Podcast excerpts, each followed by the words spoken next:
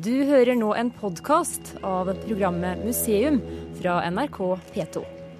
Spekulasjonene har vært mange, interesser enorm. I kveld skulle oss endelig få svar. Denne nokså anonyme 3,1 kilo tunge pakka er datert i 1912. Utapå har tidligere ordfører Johan Nygaard gitt klar beskjed om at den først kunne åpnes 100 år senere. Det vi hører her, er et innslag i Kveldsnytt på NRK1 24.8 i år. Reporter Reidar Kjestad formidler begivenheten som foregår på Kulturhuset på Otta i Sel kommune. Pakkeåpninga blir sendt direkte i flere medier og omtalt over hele verden. I dette programmet skal vi få vite mer om bakgrunnen for og innholdet i pakka. Kjell Vollheim arbeider som registrator i Gudbrandsdalsmusea. Det var han som fikk æren av å sprette forseglinger og bånd i kameraenes splittslys. Jeg syns det, det, var veldig Altså, det var, hadde jo media og fjernsynskamera i fjeset hele tida på, på, tur inn, for jeg bar jo da pakka inn og opp. og så så det var jo en veldig spesiell situasjon da, for, for, meg. Og jeg må si jeg var ganske nervøs da jeg sto oppå der og skulle åpne den pakka.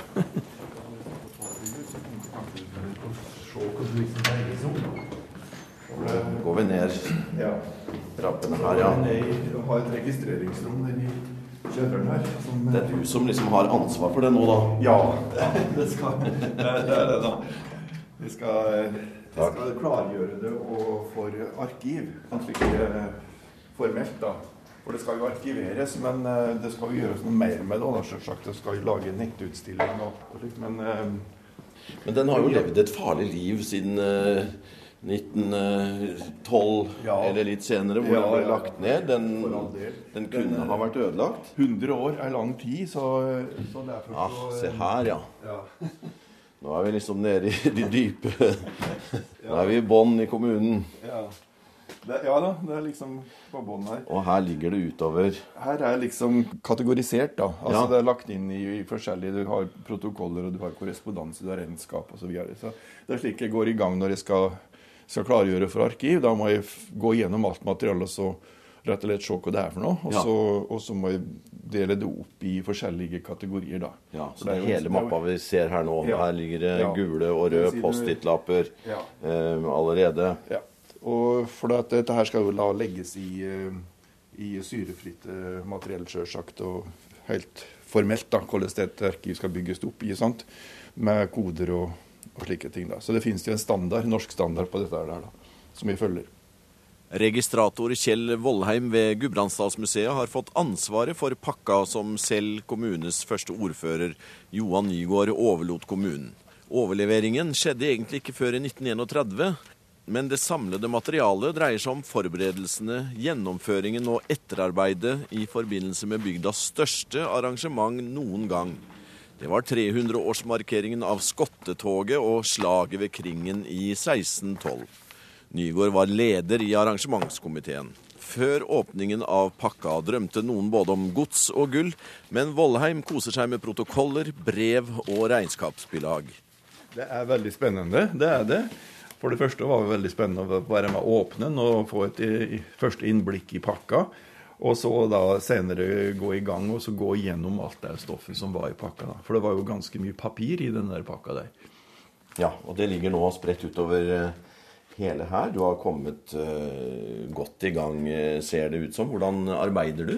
Altså Da må jeg da pakke ut ikke sant, de forskjellige tingene, og så begynne å sortere og i kategorier. da. Og kategorien kan jo være f.eks.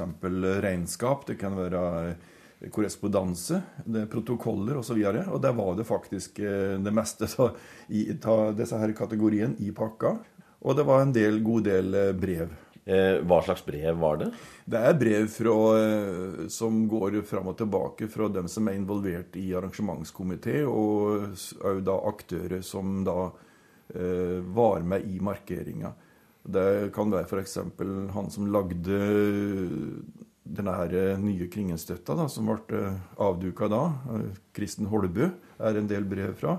Det er en brev fra oberst Angel, som var hovedtaler, osv. Eh, Jeg har også lest eh, nå i ettertid at det var eh, amerikabrev, som det heter. Ja, det var det. Var det. Og det var jo Gudbrandsdalslaget i Amerika. De var jo engasjert i dette her. Og, og de foretok jo en innsamlingsaksjon som gikk faktisk over flere år i forkant. Og der har oss da protokollen og, og brev, da. Men jo protokollen over dem som da var givere til, til dette her. Akkurat så det kom penger fra Amerika? Ja, det kom penger fra Amerika. og... Og der har vi faktisk en opptegnelse over alle de som ga penger, og, og, og summen, da. Ja, for det er jo dette berømte slaget for 400 eh, år siden som, som eh, er begynnelsen på den historien vi forteller nå. Ja, det er det. Og eh, det er jo en markering som har faktisk vært da regelmessig siden 1612. Og 300-årsmarkeringa i 1912 var jo spesiell. Det var jo et veldig stort arrangement. Det var jo både kongen til stede, statsminister, det var forsvarssjef osv. Så, videre. så det var, det var, et veldig stort arrangement. Og Senere så har vi hatt både 350-årsjubileum og nå da sist denne her eh, markeringa, 400-årsmarkeringa. Jeg syns vi skal ta oss tid til å dra ned til åstedet der slaget fant sted. Og så kan du eh, gi oss en liten repetisjon på hva dette dreide seg om. Ja, det kunne vært interessant.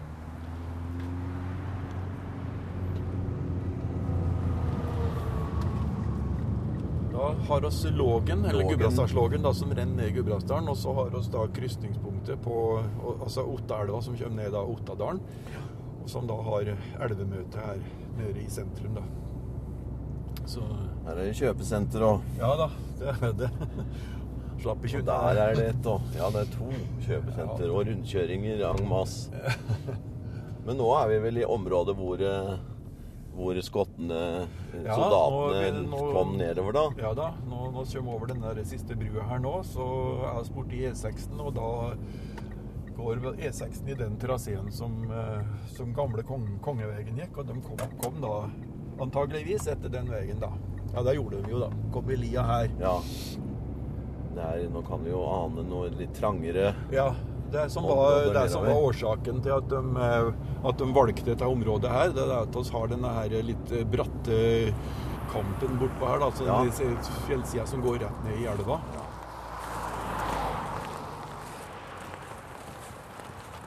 Der oppe, ja. ja. Vi må gå opp. Ja. Og se, der står det altså eh, 'Minne um slaget i Kringom'. 26.8.1612. Og Holbø, det er kunstneren. Og så står det et lite informasjonsskilt her nede. Ikke noe stor fysisk eh, Nei, det er ikke praktfull det. Er jo, det er jo et veldig litt kinkig område, egentlig, i og med at vi har E6-en kloss inn til, ja. til berget. Og, og, og, med den trafikken som er i dag, så er det dessverre nokså vanskelig tilgjengelig, da, ja. dette her, området her. Men vi har prøvd nå så vi skal prøve å tilrettelegge litt bedre. Og nå er jo planen planene for ombygging til E6 den er jo aktuelle, men vi vet ikke riktig hva det blir ut ifra det heller. Stiger vi opp, så ser vi utover Lågen. Grønn og fin. Ja. Kanskje det er fin fisk i nå. Det er det. Her er det både ørret og harr. Ja. Så det er veldig god fiskeelv, forresten. Se her, du. Det er et stort monument, da. Ja, det er det. Den, um, den er faktisk bortimot fire meter høy. Så det er en del tonn stein Ja, hjelpe meg. Det er klebersten, eller? Ja, det er klebersten. Ja. Lokal klebersten. Ja. Da skal vi, vi må gå litt rundt og se på forsiden. Det er et aluminiumsrekkverk her, så ingen skal falle ned. For det, det hadde jo ikke vært bra ja, det er skikkelig stein. Ja, nå har vi jo vært på rådhuset nede i, i kjelleren din der, ja. hvor du studerer denne uh, pakka og har sett uh, regnskaper og alt som har med sten her å gjøre. Mm. Og arrangementet. Uh, var de her nede i 1912, eller? Ja, det var det faktisk. Det var her det hele altså det utearrangementet foregikk, altså. Så da var det jo uh, veldig lite trafikk. Så da kunne de bruke hele det som vi i dag kaller E6-en, ja. og ut imot elva her. Så ja. her var det tusenvis av mennesker, altså. Ja. så det er, det er, nevnt at det kunne være mellom 15 000-20 000 som, som, som var her. Ja. Fra hele Gudbrandsdalen? ja, fra hele landet, faktisk. Hele landet, ja. fra hele landet, faktisk. Så det var, det var helt svarte folk her. Vi har en del bilder fra her fra 1912, da. Ja. og det er, det er helt utrolig. Hvilken sammenheng har dette med pakka i, i rådhuset som du nå jobber med? Ja, nei, altså det var jo, Da må vi tilbake til 1612, da, da det virkelig skjedde. Og Da var det jo utgangspunkt i Kalmarkrigen. Og Kalmarkrigen var jo en, eh, en krig mellom eh, dansk-norske og svenske kongen om eh, herredømmer over ulike ting, både skattlegging av befolkning i Finnmark og tilgang til sjø og, og slike ting. Men i alle fall så var poenget det at for bøndene, og det gjaldt ikke bare i Norge, men altså for bøndene, altså bondesoldatene, så var denne her krangelen mellom disse to kongene den var på en måte litt dem uvedkommende. Ja. Så de hadde ikke noe særlig lyst til å være med i krigen her. Og når de da ble innkalla, så heter det jo det da, at de, de var jo, eh, var jo på, til stede så lenge som det var mat og brennevin, og så reiste de med mat. For de, var, de ville ikke være med på denne krigen her. Nei. Derfor så var da det, både svenske kongen og, og danske- dansk-norske kongen de var avhengige av å så ha inn leiesoldater.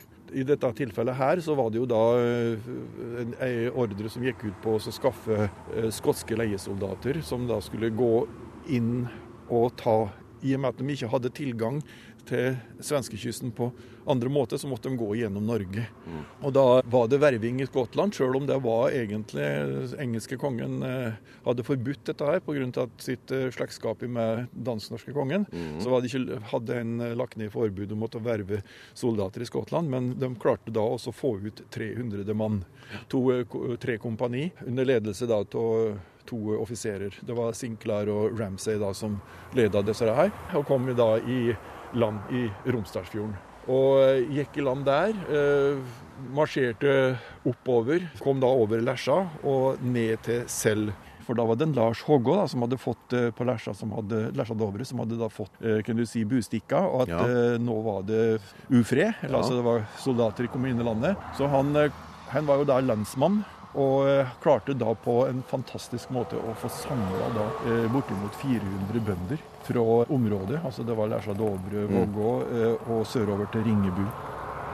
Men i alle fall så hadde bestemt de seg at da skulle de prøve å stoppe skotten da i dette området. Ja, her. Ja, Det er, ja. det er veldig bratt ned på den østsiden her, Ja. ned mot uh, elva. De hadde et, et terreng her som var veldig, veldig eh, med på deres side. Ja. Altså det, var, det var bratt, og det var lett å kunne gjemme seg her, Ja. sannsynligvis. Med iherdig arbeid og innsikt så, så klarte de nok sikkert å få til et slags eh, eh, eh, kan du si med sperrer, slik at de eh, regner med at de brukte spanske ryttere. Altså at de stengte både i bakkant og framkant. Ja. Og at de da klarte å overraske eh, den skotske leiehæren ganske, ganske enkelt oppi denne lia her. altså. Ja. Men det ble et blodig Ja, det var- sammenstøt. Det ble det forferdelig. Og Skal vi trekke litt vekk Ja. for det er, nå kom det en pulje med både tungtransport og ja.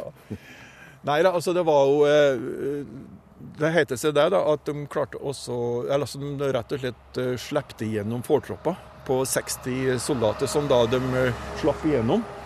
Og som da de hadde liggende noen bønder lenger sør ja. for her, noen hundre meter lenger sør, som stoppa dem der da i framkant, og så stengte de dem bak, slik at de fikk dem da. Og eh, kom aldeles overraskende på dem. Og eh, med de eh, hva jeg sagt, grusomme våpen de hadde, det var stort sett bondeøkser og, Ja. og ljåer og alt mulig. Og så, og så var det sannsynligvis no, noen få skytevåpen, da.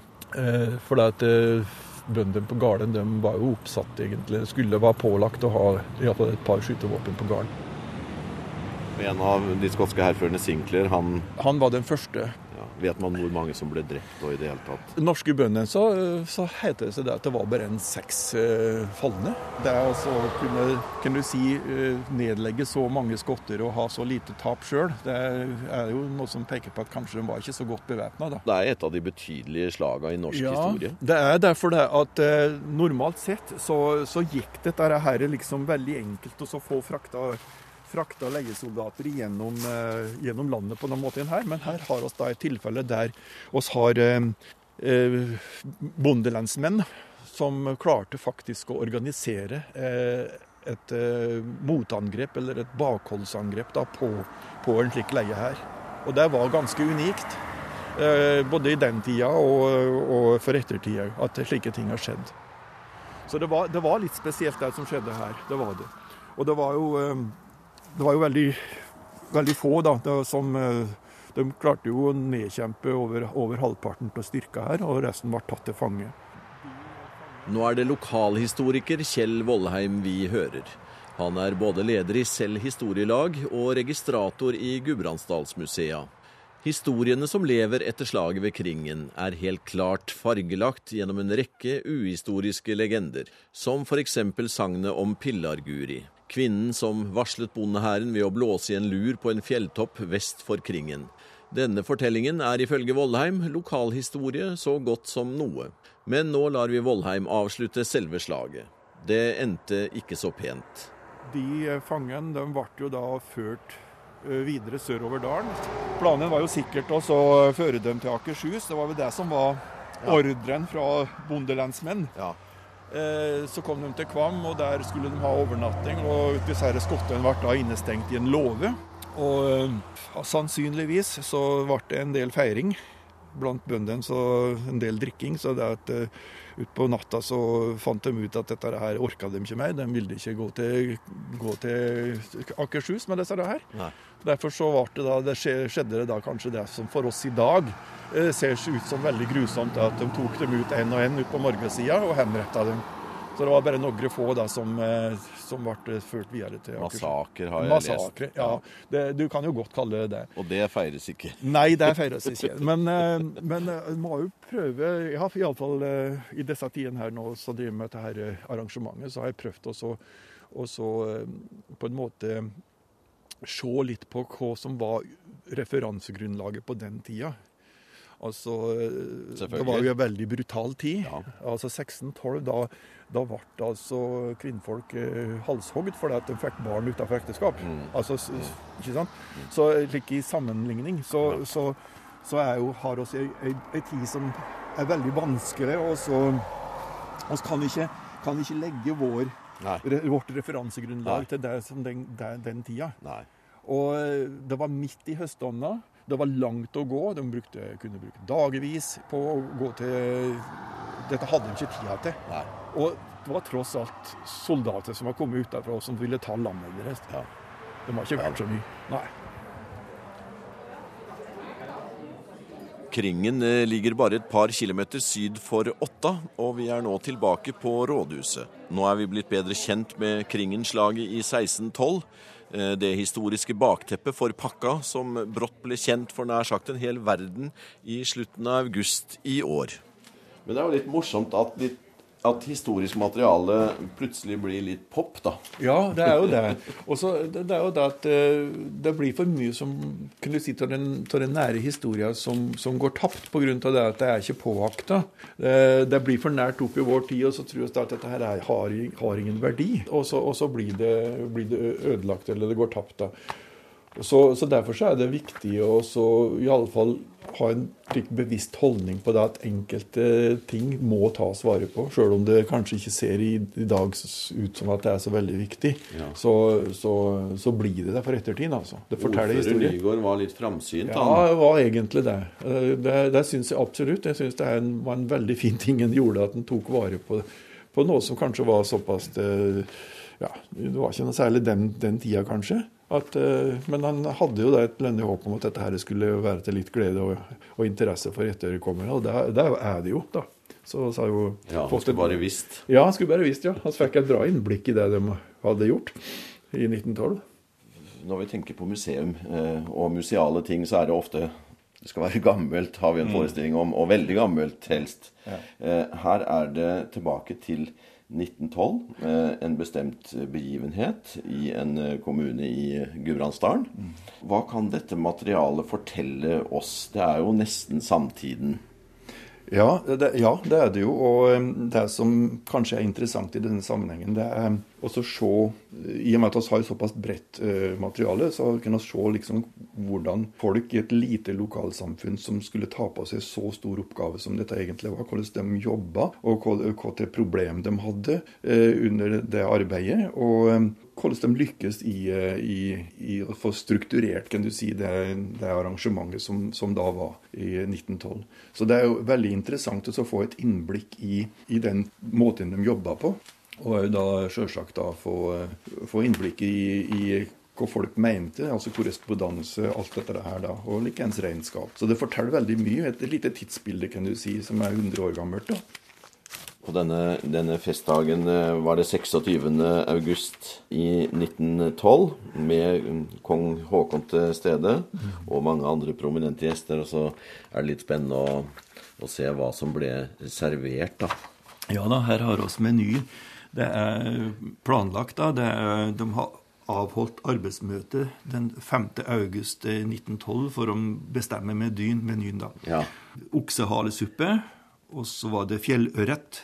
Eh, så var det kylling. Og så var det multer med fløte, og så var det kaffe. Så står det at formannen holder dessuten fullt servise og dekket tøy, og uh, bærer alle nødvendige reise- og fraktomkostninger. Ja, ja der står det leveranser av drikkevarer, ja. Ja, av herr Jarman, ja. Uh, er, er herr Jarman uvedkommende, står det. ja. Og prisen per kuvert blir kroner 6,50. Alt måtte jo bestilles og komme på jernbanen. ikke sant? Så ja. at, eh, der står det da Det var jo ganske eh, brukbare viner ja, som var servert der. Både hvite og røde. Jeg kjente jeg fikk litt vann i munnen av den menyen òg, jeg. Ja, da. står det ikke hvordan den kyllingen var eh, preparert, Nei, det var men det. det. kan vi jo bare lure på. Ja. Og så har vi regnskap, og det går jo, ja, det på, går jo både på oversikter og det går på bilag.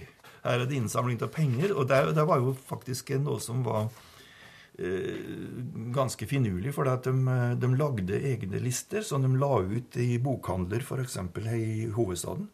Og der, eh, der, det var folk kunne tegne seg på for en sum. da. Slik at det var en, en omfattende innsamlingsaksjon for oss å finansiere arrangementet, men først og fremst da denne her nye eh, Kringenstøtta, som vi kaller det. Altså ja. minnesmerket i Kringen. da. Det kosta jo penger den gangen òg, og det viser seg jo det da at eh, de gikk jo underskudd. Så det var ikke, ikke mange kroner sett i dagens målestokk, da, men like 30-40 kroner i underskudd. Men det var faktisk nok til at um, det ble forlangt at regnskapet skulle offentliggjøres i pressa. Og du verden. Ja. ja. Så det var, det var, ikke noe De fulgte med den gangen òg? ja da.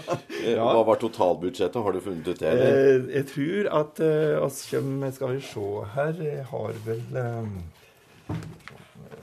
her, her, fant dere. 4263 kroner og 64 øre. Okay. Det var totalbudsjettet. Og hvordan de dekte underskuddet, det er jo litt spesielt. For plutselig så er pengene på plass. og det står i et kommentar at det var gitt av en anonym giver. Så nå har denne her pakka, som vi nå kaller det, den, eh, den har nå fått, eh, fått et nummer. Ja. og eh, da blir dette her et tradisjonelt arkiv som du kan gå i, i og blei gjennom sjøl. Men i tillegg til det, så i og med at dette her har fått så stor kan du si, interesse, så, så vil vi da lage eh, en nettutstilling. Slik at, den, at eh, mye, i fall mye av materialet skal kunne være tilgjengelig på, på, nettet. da. Ja, Så hvem som helst i landet kan gå inn og besøke ja. eh, denne unike pakka? Ja, absolutt. Så det, det håper vi skal få til relativt eh, raskt. da. Ordfører Dag Erik Pryn i Sel kommune har planer om en pakke av i dag som kan åpnes om 100 år inspirert av forgjengeren Johan Nygaard. For det første så er det jo eh, interessant i seg sjøl at en eh, kar eh, finner på å lage pakker, og sette et stempel på det med en slik tidshorisont. Det sier jo litt sannsynligvis om dimensjonen til Johan Nygaard. Jeg visste jo at det var en størrelse i lokalsamfunnet, men en, at omfanget på hans livsverk det var jeg ikke kjent med. En betydelig føringer helt fram til dags dato faktisk på det han sto for da.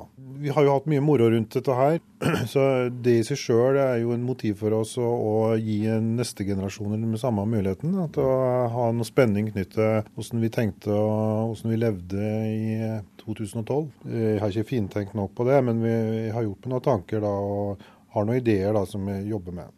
Har det betydd noe for befolkningen, eh, føler du? Det, det er klart at I likhet med meg sjøl så syns jo folk det var moro mens dette sto på. 15 eh, minutters berømmelse i både nasjonale og internasjonale medier, det er ikke dagligdags det. Først og fremst at folk syns det var moro. Forventninger før pakka var åpna, og det som faktisk foregikk rundt sjølve åpninga og i timer og døgn etterpå, er nok noe som eh, vi kommer til å huske i lang tid framover. Ja. Men eh, det har jo da vært en inspirasjon til dere her i i bygda å tenk, tenke på samtidshistorien på en annen måte, da? Nettopp. Man kan gjøre seg noen tanker da, om hvordan verden eh, ser ut om 50 eller 100 år, uten at vi har noe, noe fasit på det. Da. Men uh, det, det, å sette seg ned og, og med, referanse da til Johan Nygaard og 1912 og åra etter det, og se hvordan oppmerksomhet og spenning det utløser, det gjør jo at jeg vil tro det vil kunne være det samme om, om 100 år fram i tid. da. Må ha noen dimensjoner som kanskje går nettopp på at litt tidløse, da, med det menneskelige aspektet. Mennesket er vel stort sett eh, likt, vil jeg tro, fra fødselen av om 100 år som vi er, som vi er i dag. Så menneskelig dimensjon er vesentlig her. Samhandlinga mellom mennesker, ikke minst. da. Du har nå hørt en podkast av programmet Museum fra NRK P2.